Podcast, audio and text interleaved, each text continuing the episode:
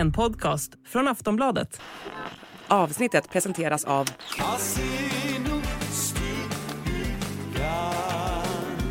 Stödlinjen.se, åldersgräns 18 år. Hej och välkomna till Kungligt. Jag heter Sara Eriksson. Och jag heter Jenny Alexandersson. En brittisk prins riskerar att bli av med både sin bostad och sina pengar. Det ska vi prata om i veckans avsnitt. Så ska vi även prata om kronprinsessan Victorias tårar i den nya filmen. Och så pratar vi om storhertiginnan som styr hovet med järnhand. Så till den milda grad att premiärministern tvingats gripa in. Och hur är det egentligen med kungligheter och sociala medier? I Danmark så har en prins skapat ett nytt och omtalat Instagramkonto. Det ska vi prata om.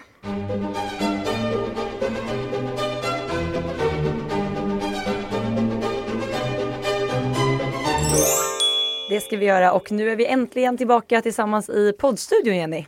Ja men helt otroligt, det känns som att jag inte sett dig på evigheter. Så säger vi varje gång vi ses. Ja. Det dyker upp grejer och det är eh, sjukdomar och hitan och ditan. Så att eh, vi har fått spela in en del på distans. Men nu är vi alltså i poddstudion.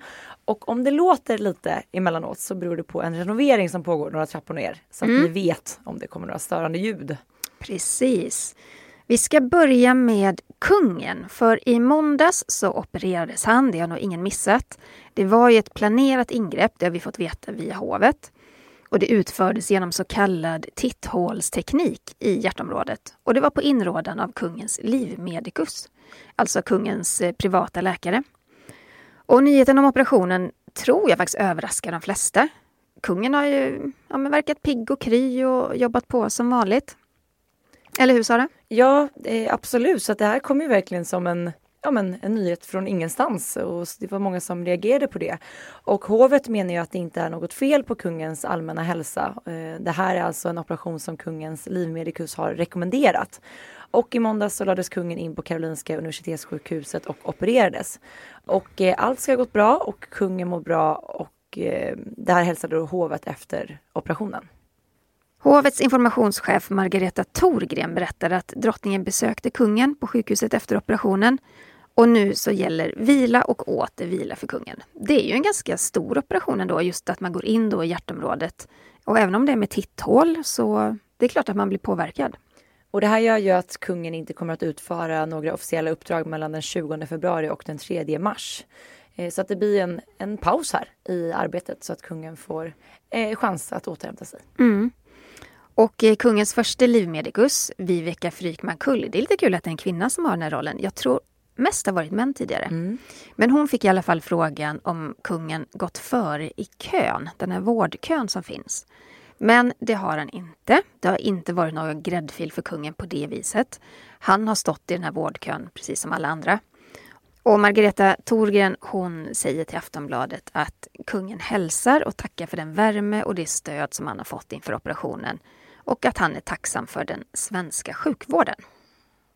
Det är bra att allting har gått bra. Eh, så då får kungen helt enkelt vila och återhämta sig nu innan han kan återuppta bland annat de här länsresorna som pågår just nu. Det var ju två av dem som nu fick bli framflyttade på grund av den här operationen.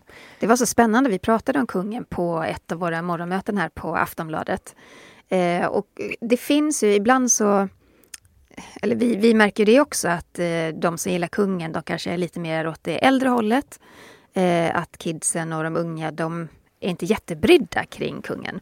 Men på morgonmötet så hade vi ett samtal om att eh, på Flashback, ni vet den här sajten där det finns obskyra skvaller och eh, andra grejer. Där hade det varit rätt många unga som tyckte att eh, åh, kungen är kung. Vad bra att det gick bra. Alltså det är verkligen Ja. eh, positiva reaktioner från lite yngre. Så kul med Flashback att det är ingen som liksom eh, erkänner att de hänger där men det är uppenbarligen så stort. Alltså det är så här väldigt många tar del av, av skriverier på Flashback. Ja. Men, eh, ja men det är klart det här blir ju såklart en, ja, men en stor, stor nyhet och en stor händelse och det känns som att väldigt många var ja, men berörda och intresserade av hur det, hur det har gått och så vidare. Kanske också för att kungen har varit så himla pigg och kry i alla år. Jämfört med Danmark och Norge så är han en väldigt frisk regent får man väl säga. Jag kommer ihåg att det var, det var snack för många år sedan om att kungen hade problem med om det var ett knä eller höften eller ja, men ben eller någonting. Som gjorde att han fick lägga löpträningen åt sidan för att han gillade verkligen att, att springa tidigare. När han var lite yngre då kunde man ju se honom springa i ja, men, Drottningholmsparken med Säpo efter sig. Och det, eller ja, ibland fick ju Säpo cykla för att de pallade inte att springa så fort och så långt. Bra tempo. Men, eh, och samtidigt göra sitt jobb då. Liksom. Men eh, det fick han ju faktiskt sluta med. Mm. Men det är det enda jag hört liksom, om krämpor kring kungen. Mm. Det är starkt. Ja. Men vi ska prata om en skandalprins. För vi går till Storbritannien och prins Andrew, han brukar ju tidigare få ta del av pengar från apanaget. Men det tog ju stopp 2019 när han anklagades för våldtäkt. Det var Virginia Roberts Jeffrey som menade att hon var bara 17 år då hon tvingades ha sex med honom vid flera tillfällen. Och de möttes ju då genom miljardären och pedofilen Jeffrey Epstein som senare tog sitt liv i häktet. Och prins Andrew får istället cirka 3 miljoner kronor om året från kung Charles. Och dessutom så får han ju bo på Royal Lodge som är en stor kunglig fastighet som ligger i Windsor. Men nu så rapporterar ju flera medier att kung Charles bestämt att hans bror inte längre ska få ta del av de här pengarna. Och från och med april så blir prins Andrew av med kungens pengar eftersom han, ja, han är ju faktiskt inte längre en arbetande kunglighet och har inte varit det sedan han stängdes ute från den kungliga värmen i slutet av 2019. Mm. Det här är ingenting som hovet har kommenterat eller dementerat på något vis. Men rapporteringen kring det har blivit allt mer intensiv.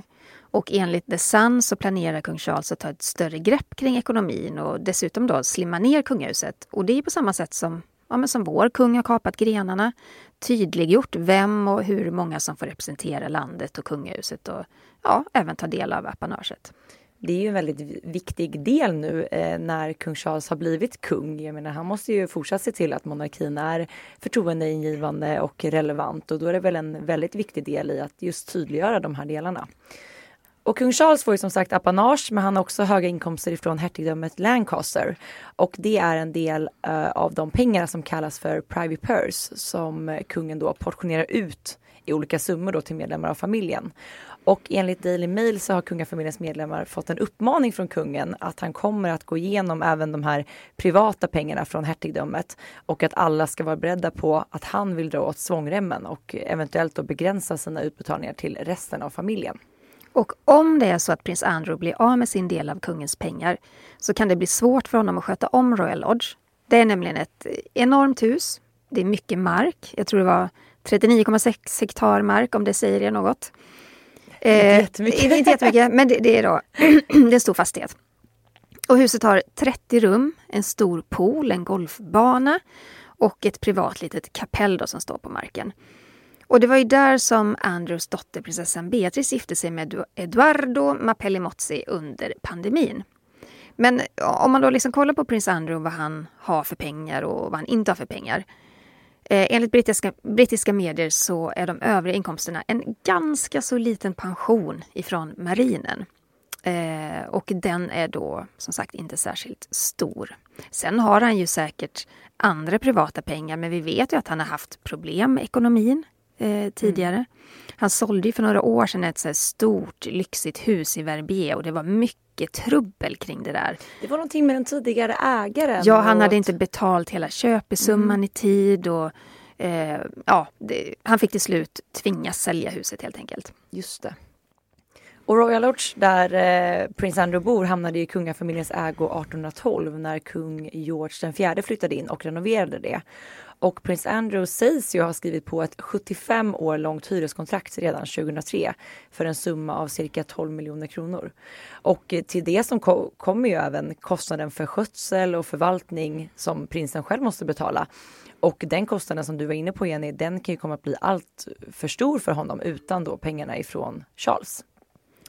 Men enligt The Telegraph så kommer kungen inte göra sin bror hemlös. Det finns ju andra bostäder som kan vara aktuella, lite mindre sådana. Och eh, prins Andrew han bor ju tillsammans med sin exfru Fergie. Om de vill så kan de även flytta till hennes lägenhet för hon har eh, ja, men ganska lyxig sån i Mayfair. Men det lutar ju mer åt att kungen ger Andrew en mindre bostad och kanske ett reducerat årsarvode. Eh, självklart kommer han bekosta sin brors privata säkerhet. Han, har, han får inte ta del av den här skattefinansiella, skattefinansierade säkerheten. Efter han, eh, är inte arbetande kunglighet. Eh, och den kostnaden ligger på runt 37 miljoner kronor per år. Så det är mycket pengar vi talar om här. Mm, mm. Och självklart är det här nervöst och oroligt för prins Andrew. Han har ju bott på Royal Lodge sen, ja, men sen 2008. Det är ju verkligen hans hem. Ja, och jag tänker också om man nu gör de här omtagen gällande ekonomin och ser över kostnader. Eh, det kan ju såklart komma att påverka prins Harry och Meghan också. För risken är ju att kung Charles i sitt arbete då att stämma ner kungahuset kan ta beslutet att kanske de då blir av med sina titlar också. Mm. Det ska- känns ju verkligen som att han vill göra en förändring nu. Han har ju också alltså verkligen ögonen på sig nu. Alltså här, hur blir ditt första år som kung? Vad kommer Ja. du göra för att modernisera det? Och, och sätta, ner, ja, precis, Ja. sätta sin prägel. Så att jag tycker det ska bli spännande att följa det här och se vad kungen liksom landar i gällande alla titlar och apanaget och så vidare. Vi följer detta. Det gör vi. Vi går över till Danmark. Eh, vi pratar mycket om danska kungahuset och det här infekterade bråket om kungliga titlar. För i slutet av september så meddelade drottning Margrethe att prins Joakims barn, prinsessan Athena och prinsarna Nikolaj, Felix och Henrik blir av med sina titlar. Och från och med årsskiftet då så tituleras de som excellenser. De får använda sig av titlarna greve, grevinna eller då komtess som man är innan man är eh, gift tror jag av Montpessat. Och det här beslutet kom ju oväntat och varken prins Joakim eller grevinnan Alexandra verkade ha fått informationen om förändringen innan det publicerades för allmänheten. Och eh, det skapade ju en ganska så tydlig spricka inom familjen. Både Joakim, hans fru prinsessa Marie och exfru grevinnan Alexandra pratade med media och verkligen så uttryckte sitt missnöje och sin frustration. Mm. Och drottning Margrethe, hon, eh, hennes, eh, hennes liksom, alltså orsaken till allt det här, det var ju att hon ville ge barnbarnen möjlighet att forma egna liv utan att begränsas då av de särskilda hänsyn och skyldigheter som en formell anknytning till kungahuset som institution innebär, stod det då i ett pressmeddelande. Men några dagar efter att beslutet kommunicerats ut så fick ju danska Extrabladet en kommentar från prins Joakims äldsta son Nikolaj. Och han säger så här. Jag förstår inte varför det måste bli så här. Hela min familj och jag är såklart väldigt ledsna. Vi är som mina föräldrar också har sagt i chock över det här beslutet och hur snabbt det faktiskt har gått. Slutcitat. Ja, och eh, till danska Se och Hör så sa prinsen att han resten av livet kommer att vara stolt över de år som han fick lov att vara prins av Danmark. Eh, men trots då att barnen från och med årsskiftet inte längre kan titulera sig som prinsar och prinsessor så är de ju kvar i den danska successionsordningen. Och eh, där då prins Nikolaj kommer på sjunde plats åtföljt åtföljs då av sina syskon. Och Nikolaj och hans lillebror Felix har ju faktiskt sedan ganska så länge ändå kallats för modellprinsarna och de är bland annat signade för Scoop Models som är en modellagentur. Och eh, Nikolaj har ju gått modevisningar för stora modehus som Burberry och Rain. Och självklart har ju hans prinstitel varit otroligt bra och stark PR för de här varumärkena. Det går ju inte att, att sudda bort eller liksom förminska utan det är klart att det har varit starkt för dem att ha med en kunglighet i de här sammanhangen. Absolut. Men nu verkar det som att prinsen har landat mer i det här nya livet utan prinstitel. Det har gått ungefär en och en halv månad eh, sen han inte då fick titulera sig prins. Men eh, han har skaffat sig ett nytt Instagramkonto. För självklart kan han inte ha ett som är kopplat till kungahuset på något vis. Men under namnet Nikolaj till Danmark med beskrivningen Count Nikolaj of Montpessat så har han publicerat eh, flera inlägg med bilder från modeplåtningar. Det är någon bild på honom själv också, en skidbacke i Alperna med texten Vecka 5 i Alperna. Nice! Har de sportlov vecka 5 kanske? Exakt. Eller att han är där, jag tolkar det mer som så här vecka fem, att han har varit där så länge men han kanske menar att han var där vecka fem. Jag vet inte riktigt. Han glassat runt i fem veckor i Det tyckte jag lät nice. Kanske det. Ja. ja. Ja, Mm. Eh, men jag menar även om Nikolaj sedan tidigare varit modell så har han ju inte varit liksom, någon form av influencer på det sättet. Det har han inte fått lov att vara. Nej. Ja. men i och med då att han inte längre är en del av det kungliga huset så har han ju nu en annan möjlighet att bli det om han önskar. Eh, kanske är liksom det här Instagramkontot och början av postandet en start för det. Så frågan är då om vi kommer att se prinsen i samarbete med kommersiella varumärken. Jag minns att han fick så mycket smäll på fingrarna när han gjorde ett kommersiellt samarbete med en billeasingfirma. Just ja. Och firman använde bilder på honom när han satt på huven till en bil som han då fick typ leasa, var väl gratis då för honom tänker jag. Så det är klart vi kommer se prinsen i sådana samarbeten. Absolut. Det är, en... det är bara att se hur stort hans namn har blivit i liksom modellbranschen. Det är klart att det är andra varumärken som vill associeras med honom. Verkligen. Även fast kan... han inte är prins. Ja, för det finns ändå den kopplingen. Mm. Eh, så är det ju. Men precis som vi sett i Norge, där fick ju kung Harald och kronprins Håkon sätta ner foten gentemot prinsessa Märta-Louise. För hon postade och gjorde reklam, precis som en influencer, på sitt Instagramkonto. Och då var ju hon fortsatt en del av det kungliga huset. Men där tog man ju ett nytt beslut sen. Eh, sen slutet av förra året så får hon inte arbeta för kungahuset. Och därför kan hon ju också i större utsträckning då ha kommersiella samarbeten och vara mer av en influencer om hon önskar det. Vilket hon gör får man ju lov att säga. Det är eh, väldigt ja. mycket, då inte på hennes, hon har ju två Instagramkonton. Inte på det som är då kopplat till kungahuset utan det här privata I am Märta Louise. Där är ju en rad samarbeten per vecka. Ja. Och för att inte tala om hennes fästman shaman Derek Verrett. Så att de båda har ju faktiskt blivit några form av influencers. Får man ju lov att säga. Och det ligger ju stora pengar i sådana samarbeten om man är på en, på en hög nivå. Mm.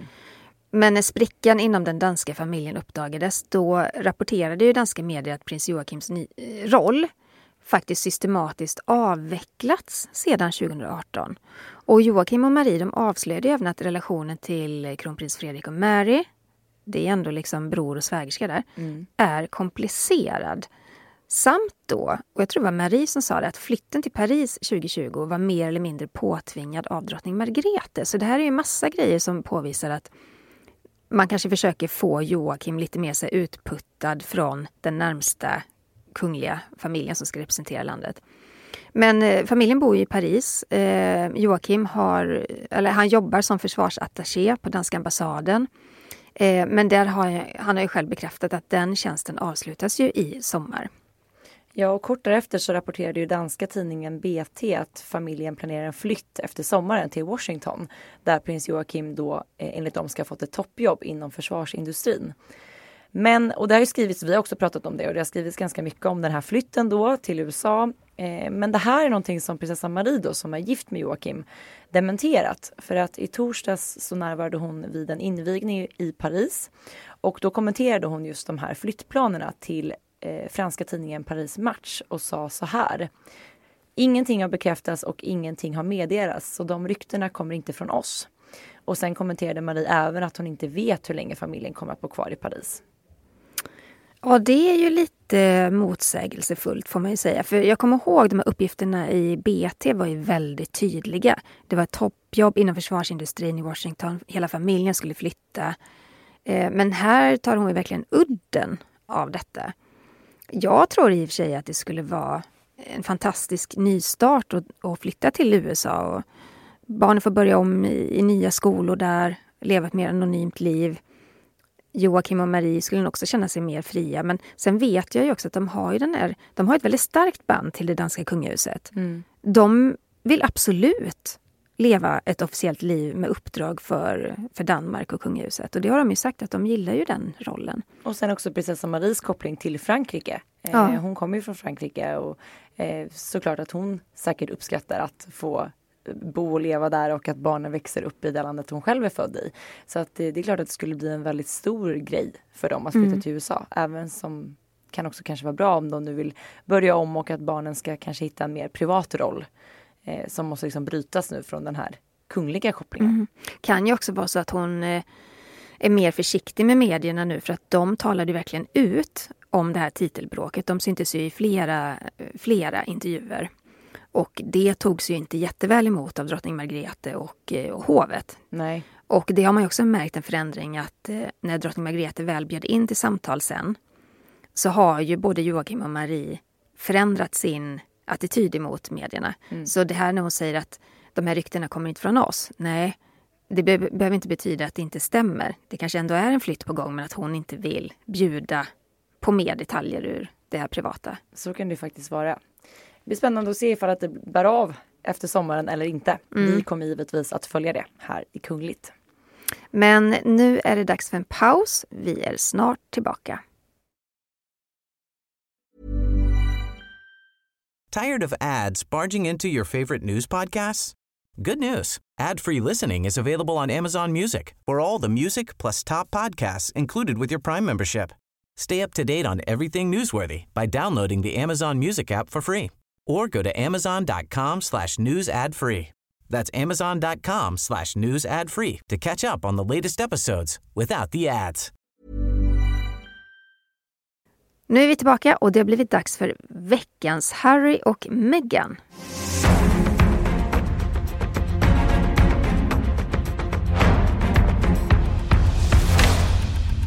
För ett och ett halvt år sedan så stämde prins Harry Home Office eftersom att de tog bort hans skattefinansierade livvaktsskydd.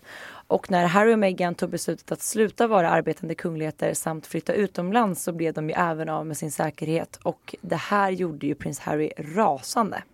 Ja, och nu har det avslöjats hur dyr den här processen är än så länge. Den har alltså kostat skattebetalarna 3,7 miljoner kronor och det är bara den här, den här perioden fram, det har inte ens varit rättegången. Och processen är pågående och inte förrän tidigast i april kan det bli rättegång. Och man kanske till och med väntar längre för jag tänker att kungens kröning är ju i maj mm. och där vill man kanske inte eh, ha något sånt där på halsen. Och det var i februari 2020 som myndigheten tog beslutet att då dra tillbaka livvaktsskyddet eh, från Scotland Yard. Och det innebär ju även att Harry och Meghan inte automatiskt får ta del av deras säkerhetsapparat när de till exempel besöker Storbritannien. Och eh, besluten då att om de ska få det eller inte, det tas ju lite gång från gång där ju. Ja, precis. Eh, och i juli 2022 så bestämde Högsta domstolen att prins Harry hade rätt att driva sitt mål mot Home Office till domstol. Det här pratar, har vi pratat jättemycket om för det är ju Vi har väl aldrig sett det tidigare. Att en kunglighet, han är ju liksom ändå fortsatt prins Harry och har kvar sin titel, drar det här till rättegång. Ja men han är en prins som på något sätt stämmer en del av sitt land. Ja. Det är ju en myndighet ändå. Eh, före detta chefen för Scotland Yard, eh, John O'Connor, han säger till The Sun att citat, att förvänta sig att staten ska stå för säkerheten är arrogant och irrationellt. Slutcitat. Och han säger även att citat, det handlar bara om fåfänga. Han vill enbart ha skydd eftersom han tror att hans betydelse prioriterats ner utan det. Skattebetalarna ska inte behöva betala en enda krona eh, för det här fallet. Slutcitat. Det är, det är hårda ord. Det är ganska hårt ja. Mm. Men enligt de juridiska dokument som lämnats in till domstolen så säger Harrys advokat att prinsen faktiskt erbjöd sig att betala för Scotland Yards livvakter ur egen plånbok när han och familjen besöker Storbritannien. Men prinsen hade då fått höra att poliserna inte är en säkerhetsstyrka med guns for hire. Alltså det går inte att hyra den Nej. brittiska polisen. Vilket man också på något sätt kan förstå. Prins Harry han betalar för sin egen säkerhet i USA. Men det stora problemet som han då anser det är att den säkerhetsstyrkan, de livvakterna, de får inte bära vapen när de befinner sig i Storbritannien. Och de får heller inte ta del av polisens underrättelsetjänster. Så att de är lite mer bakbundna mm. som livvakter i, på plats i Storbritannien. Där blev ju också en stor diskussion när paret skulle återvända till Storbritannien vid drottning Elizabeths eh, platinajubileum. Eh, just att de känner en stor oro då att inte ha samma skydd som övriga familjen. Men där fick de ändå det. Det fick de. Och det är det jag tror myndigheterna menar här också att det beslutet tas från fall till fall. Jag tror inte han blivit nekad någon gång. Men, det, men han vill ändå pröva detta i, i domstol helt, helt enkelt. Det ska bli väldigt spännande att följa det tycker jag. Mm. Vi ska prata om eh, svenska kungafamiljen. För nu i veckan så har Karin Klintbergs film Kungen premiär. Visst är det på fredag Sara? Ja, så har jag förstått det. Eh, hon har ju följt kungen i två års tid och filmat och intervjuat honom. Eh, man har fått se nu små skymtar och trailers av filmen. Eh, men det är alltså då den 24 februari på fredag som den har premiär. Och det är ju inte någon tillrättalagd kunglig redovisning vi kommer få se. Det är ju av och till lite obekvämt har jag förstått det som. Jag har ju mm. kollat på de här klippen som finns, eh, finns där ute. Eh, bland annat så verkar kungen inte särskilt road av att bli följd av ett kamerateam så länge. Och han verkar inte tycka att intervjuerna är särskilt kul. Nej, och Karin Klintberg blir ju nervös och i en av de här eh, trailerna till filmen så berättar hon att hennes planerade möte, planerande möte med kungen liksom plötsligt ställs in eller ändras på. Och så får vi se när hon möter kungen på slottet igen. Och det är eh, Karin Klintberg, kungen och hovets informationschef eh, Margareta Thorgren som är på plats. Och eh, de står upp och ska strax inleda en intervju när Karin känner att hon vill ja, men liksom, ha något slags godkännande från kungen. Vi kan väl lyssna på hur, hur det låter. Kungen ska hit och kungen ska dit. Och ju längre tiden går, desto osäkrare blir jag. När vi äntligen ska ses igen är jag nervös. Vill han inte längre ha mig där? Ja, det här kom... kom. Titta. Åh, det fortsätter snö. Mm. Vackert. Eh, innan vi sätter igång så vill jag bara kolla av att kungen känner sig bekväm så att det inte känns som att... Det är sådana sammanhang, men okej. Mm. Känns det obekvämt? Mm, ja, jag är inte road, nej. Av att bli intervjuad eller av filmningen? Jag kommer här i 40 år så att... ja, ja. Böket varje gång. Ja. Nej, men jag ska äh, säga, jag gick till en terapeut och sa jag är så olycklig, jag vill att kungen ska, ska tycka att det här är trevligt. Och då sa hon, har kungen sagt ja? Har du hört honom säga ja? Nej.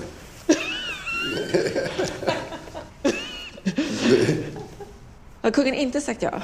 Nej. Vadå, jag har sagt ja? Till att, till att medverka? Jag tror ingen alltså. Det, det har kungen ja. sagt. Sagt ja, sagt ja. Annars skulle det aldrig varit... Med, ja. Medelstvång. Ja, men jag sa så jag hörde Tum, inte... Tumskruv på. Jag sa jag hörde inte just ordet ja. Men jag uppfattade att kungen gick med på det. Men jag hörde inte ordet. Ja, det är, ingenting sker utan att kungen har sagt ja. I stort som smått. Ja, ja men då, då har jag det här i ryggraden nu.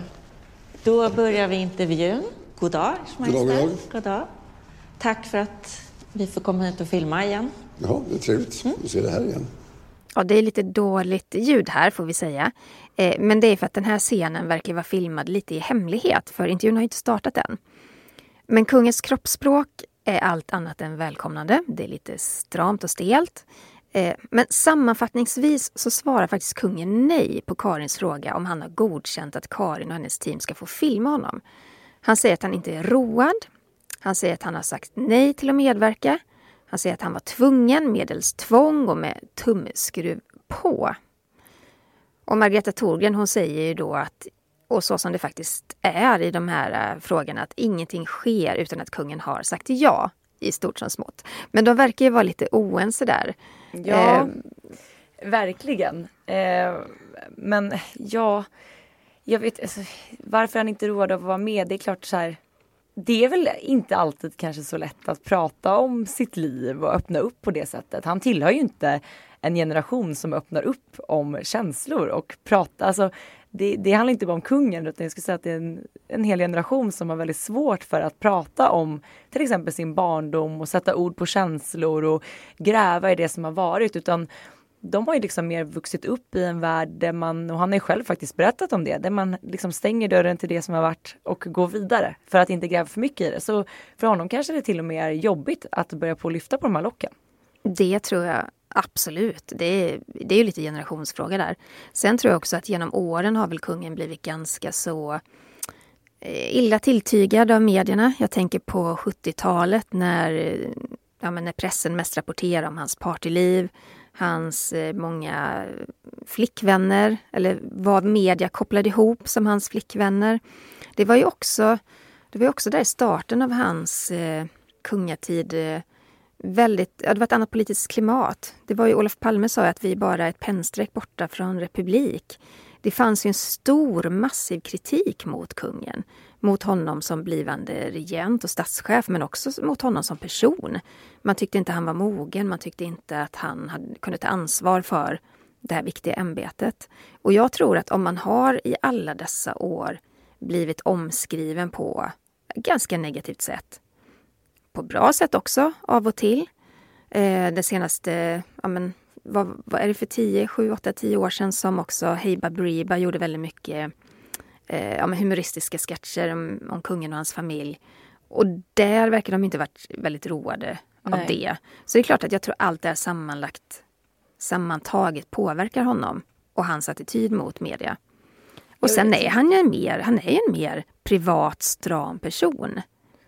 Ja, och jag tänker precis som du är inne på, dels hur han har blivit omskriven i media och, och så vidare, men även liksom i det han växte upp i, hur hans mamma blev omskriven. Det var ju med honom redan i, i unga år och se hur det här ja, men, breda tyskhatet i Sverige, hur hans mamma fick liksom anonyma hotbrev, hur det skrevs om henne i media, hur man såg på henne. Så det här har ju varit med honom hela livet, även innan han var påtänkt liksom att ta över kronan. Mm. Och sen är det ju det här som du var inne på också. Eh, Karin Klintberg säger i ett av de här klippen också att hon är född på 70-talet. Hon är van att prata om känslor. Kungen är 40-talist. Han vill absolut inte göra det. Eh, och sen handlar ju det här, tänker jag, också om att han är just kung. För vad skulle hända om Sveriges statschef börjar prata om vad han känner och tänker och tycker? Skulle vi betrakta honom annorlunda då i så fall? För alla i kungafamiljen är medvetna om det här med mystik och upphöjdhet. De vet exakt hur viktigt, viktigt det är att bibehålla den här upphöjdheten samtidigt som man då också ska vara folklig. Det är ju en väldigt svår balansgång och hitta den perfekta balansen, det tror jag är supersvårt. Ja men verkligen. Vi lyssnar lite på när de pratar om det här. Men så har det varit en gåva eller ett fängelse att vara kung? Nej, men det är klart, det är en uppgift. En tuff Uppgift. uppgift. Jättetufft och jättestort. så- Och, va- och varför säger kungen tufft? Ja, därför det är, det är jobbigt. Det är ett stort ansvar på så sätt. Och, och vara sy symbol för, för, för en nation. Det är väldigt tungt ansvar. Ja, kungen vill inte riktigt svara på om det har varit en gåva eller ett fängelse. Han säger mer att det är en uppgift. Det är ju diplomatiskt av honom Ja, att eh, verkligen. ta den svängen. Men också lite så här, vad ska han svara? Eh, hade han svarat det ena eller det andra? Alltså, det är ju som sagt ett diplomatiskt svar och kanske det svaret som han måste Ja. förmedla. Ja, men det, det tror jag också. Vad han skulle, skulle han sagt att det var ett fängelse skulle han få kritik. Hade han sagt att det var en gåva så hade han ju fått eh, kritik för det också. Ja. Men eh, Karin kommer också in på det här ämnet eh, om att kronprinsessan en dag ska ta över tronen. Men då blir det också lite känsligt. Eh, Victoria hon sitter med tårar i ögonen får vi veta. Eh, jag tror att det är främst Expressen som har skrivit om detta. Och kungen verkar inte vilja prata om det alls. Och Victoria säger också det, det är inte något som man talar om i familjen. Vilket inte är så konstigt kanske. Nej, för den dagen som Victoria tar över så har ju hennes älskade pappa dött och hon är i sorg. Samtidigt så ska hon ju axla ansvaret och helt fokusera på sin roll som Sveriges statschef. Så att det är ju en väldigt så här bisarr situation egentligen. Mm. En annan bisarr situation, den hittar vi i Luxemburg. Och ni som hängt med ett tag känner till att det varit mycket problem vid hovet. Landets regent är storhertig eh, Henri och han är gift med storhertiginnan Maria Theresa. Och det är just Maria Theresa som det stormat rejält kring. I flera år så har det framkommit att hon behandlar slottspersonalen riktigt uselt. I juni 2019 så tillsatte ju regeringen och premiärministern Xavier Bettel en eh, kommission för att komma till rätta med de här stora personalproblemen samt att utreda storhertiginnan Maria Theresas roll i kungahuset.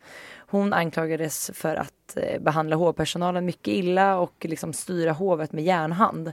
Och personalen sägs vara tvingade att uppfylla alla Maria Theresas önskemål, eh, hålla henne på gott humör och vara tillgänglig dygnet runt. Alltså det här låter ju liksom som en som en despot. Ja, men, eller typ som en scen ur en filmatisering av hovlivet på 1700-talet. Ja, verkligen. Ja. Och den här rapporten, kommissionens rapporten visade också att arbetsmiljön var präglad av skräck.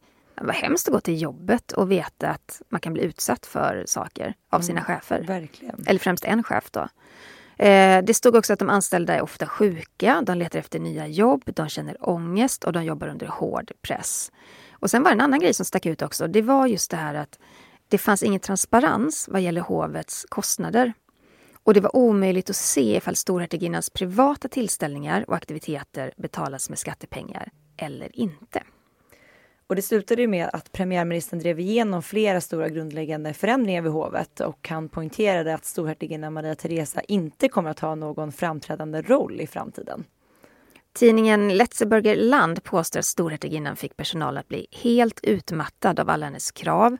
Det skedde under en fotografering som gjordes i samband med att storhertigparets dotter Alexandra offentliggjorde detaljer kring sitt kommande bröllop. Det skulle vara en, eh, ett fototillfälle. Och inför det då så ville Maria Teresa prova massor med olika kläder inför fotograferingen. Hon blev aldrig nöjd. Och det här, den här händelsen då inträffade helgen 29 till 30 oktober förra året. Ja, och en rapport kring händelsen visar att man tvingades då kalla in extra personal efter, efter att hovdamer, kammarjungfruar och stylister kämpade med att uppfylla storhertiginnans alla krav. Och det påstås, att, påstås att Maria Teresa dagen efter skällde ut eh, hovmarskalken som som då är chef över storhertig eh, Henris kontor. Och hon läxade upp honom och hon ska då ha skrikit att det var en dålig organisation. Och en anställd vid hovet som inte är namngiven sägs ha tagit så illa vid sig att personalen krävde att eh, få bli förflyttad. Och det här är inte första gången som personal nära henne har liksom antingen slutat eller liksom velat bli förflyttade inom organisationen. Nej, det händer hela tiden. Mm. Och enligt tidningen då så åkte premiärminister Xavier Bettel till slottet för att diskutera händelsen med storhertigparet. Och det var ungefär två veckor efter att det hade inträffat. Men eh, enligt rapporten då, eller enligt tidningens eh, källor då, så ledde det bara till större osämja inom hovet. Och nu har ju då premiärministern ställt ett ultimatum till storhertigparet. Vad det innebär har man inte fått veta. Eh, man har inga detaljer, utan det här är bara eh, tidningsuppgifter än så länge. Men man har startat en undersökning kring händelsen och den ska presenteras nästa månad. Eh, hovet själva säger att nej, men det här är bara en isolerad händelse.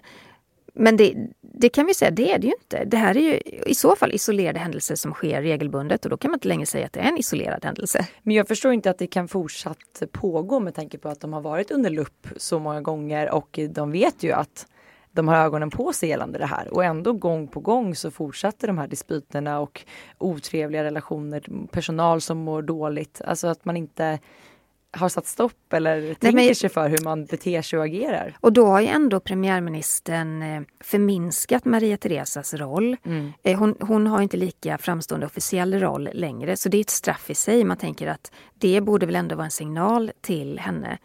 Men sen finns det ju människor som absolut inte ska vara chefer. Nej. Det finns människor som när de får mycket makt missbrukar den, behandlar folk riktigt, riktigt uselt. Och då är frågan, för jag tänker, hade det här hänt i Sverige till exempel, då hade man direkt hamnat i en diskussion om monarkins vara eller icke vara. Mm. Men här verkar man ju än så länge låta det fortgå. Ja men frågan är hur långt, men det är klart att det här blir ju de här ryktena och den, den, det här som liksom kommer fram och uppdagas. Det är klart att det, man ifrågasätter ju hela familjens agerande. Att man liksom, som sagt tillåter det att pågå. Mm. Det sätter ju inte familjen i ett bra ljus. Nej och eh, storhertig Henri, förra gången när det var bråk så gick han ut med ett öppet brev och verkligen försvarade sin hustru och, och tyckte att hon blev mobbad och utsatt. Här kan vi nog påstå att det är tvärtom. Mm. Det verkar vara hon som, som utsätter och, eh, och mobbar. Och det är inte okej. Långt ifrån okej. Nej men verkligen inte. Det ska bli intressant att se ifall att han går ut ytterligare en gång då. Och om han fortsatt liksom kan försvara sin fru i det här agerandet. Jag tror inte det. Nej, det jag går inte den, gång nummer två. Den gränsen är passerad tror jag. Ja. Vi följer givetvis detta. Mm. Vi har fått eh, lite lyssnarfrågor. Mm. Och här har vi fått ifrån eh, någon utan namn. Ja, men frågan lyder i alla fall så här. Finns det en förberedd titel som ett alternativ till prins och prinsessa eller kung och drottning i det fall det skulle finnas en icke-binär kunglighet? Och skulle den personen i så fall kallas Hens Majestät, Hens Kungliga Höghet och så vidare? Åh, vad spännande! Ja, väldigt spännande och bra fråga. Eh, Icke-binär är ju när en person varken känner sig som eller identifierar sig som en tjej eller kille utan till exempel både och mittemellan som ett annat kön eller inget kön eller liksom har en flytande könsidentitet. Eh, jag har svårt att tro att man har någon sån titel förberedd men om man skulle hamna i den situationen så går ju det såklart att lösa. Ja, ja. men det har vi märkt också och det är väl ändå Alltså har man ett flexibelt, eh, tolk, en flexibel tolkning och det har vi sett att riksmarskalken till exempel haft när det gäller eh, successionsordningen om Estelle till exempel skulle få gifta sig med en kvinna om hon vill. Då har man ju tolkat det som att det är klart hon får. Mm. Så det är klart att det här också går att lösa. Ja. Och samma person har även skrivit den här frågan.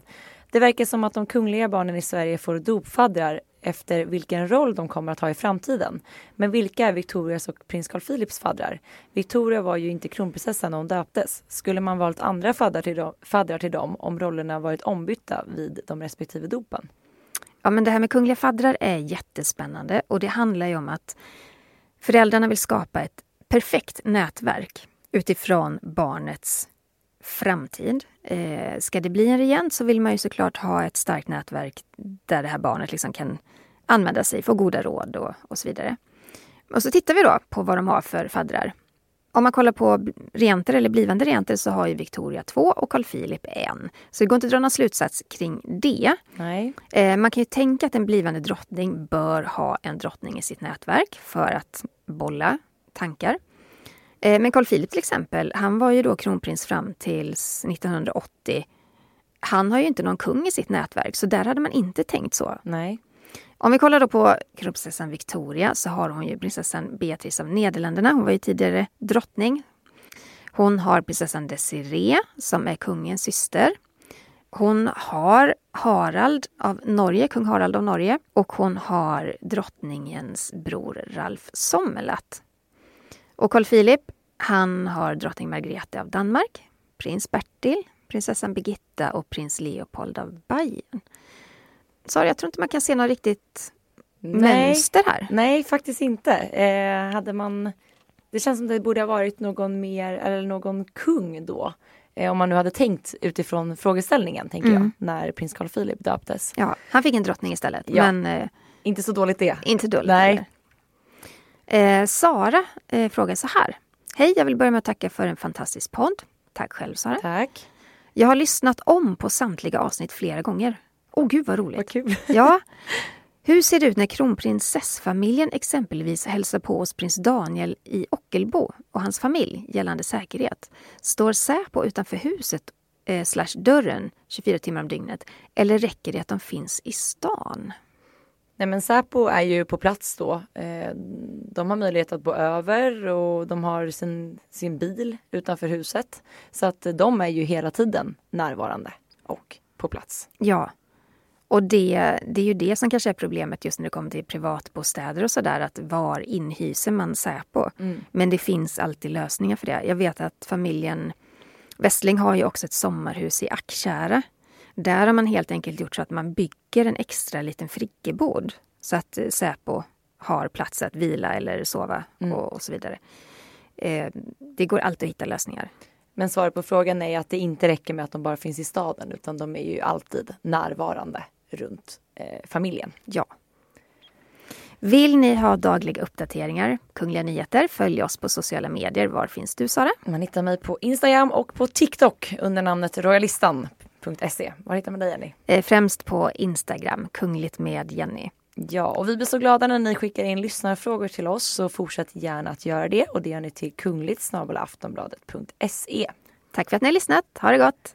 Hej då! Hej då!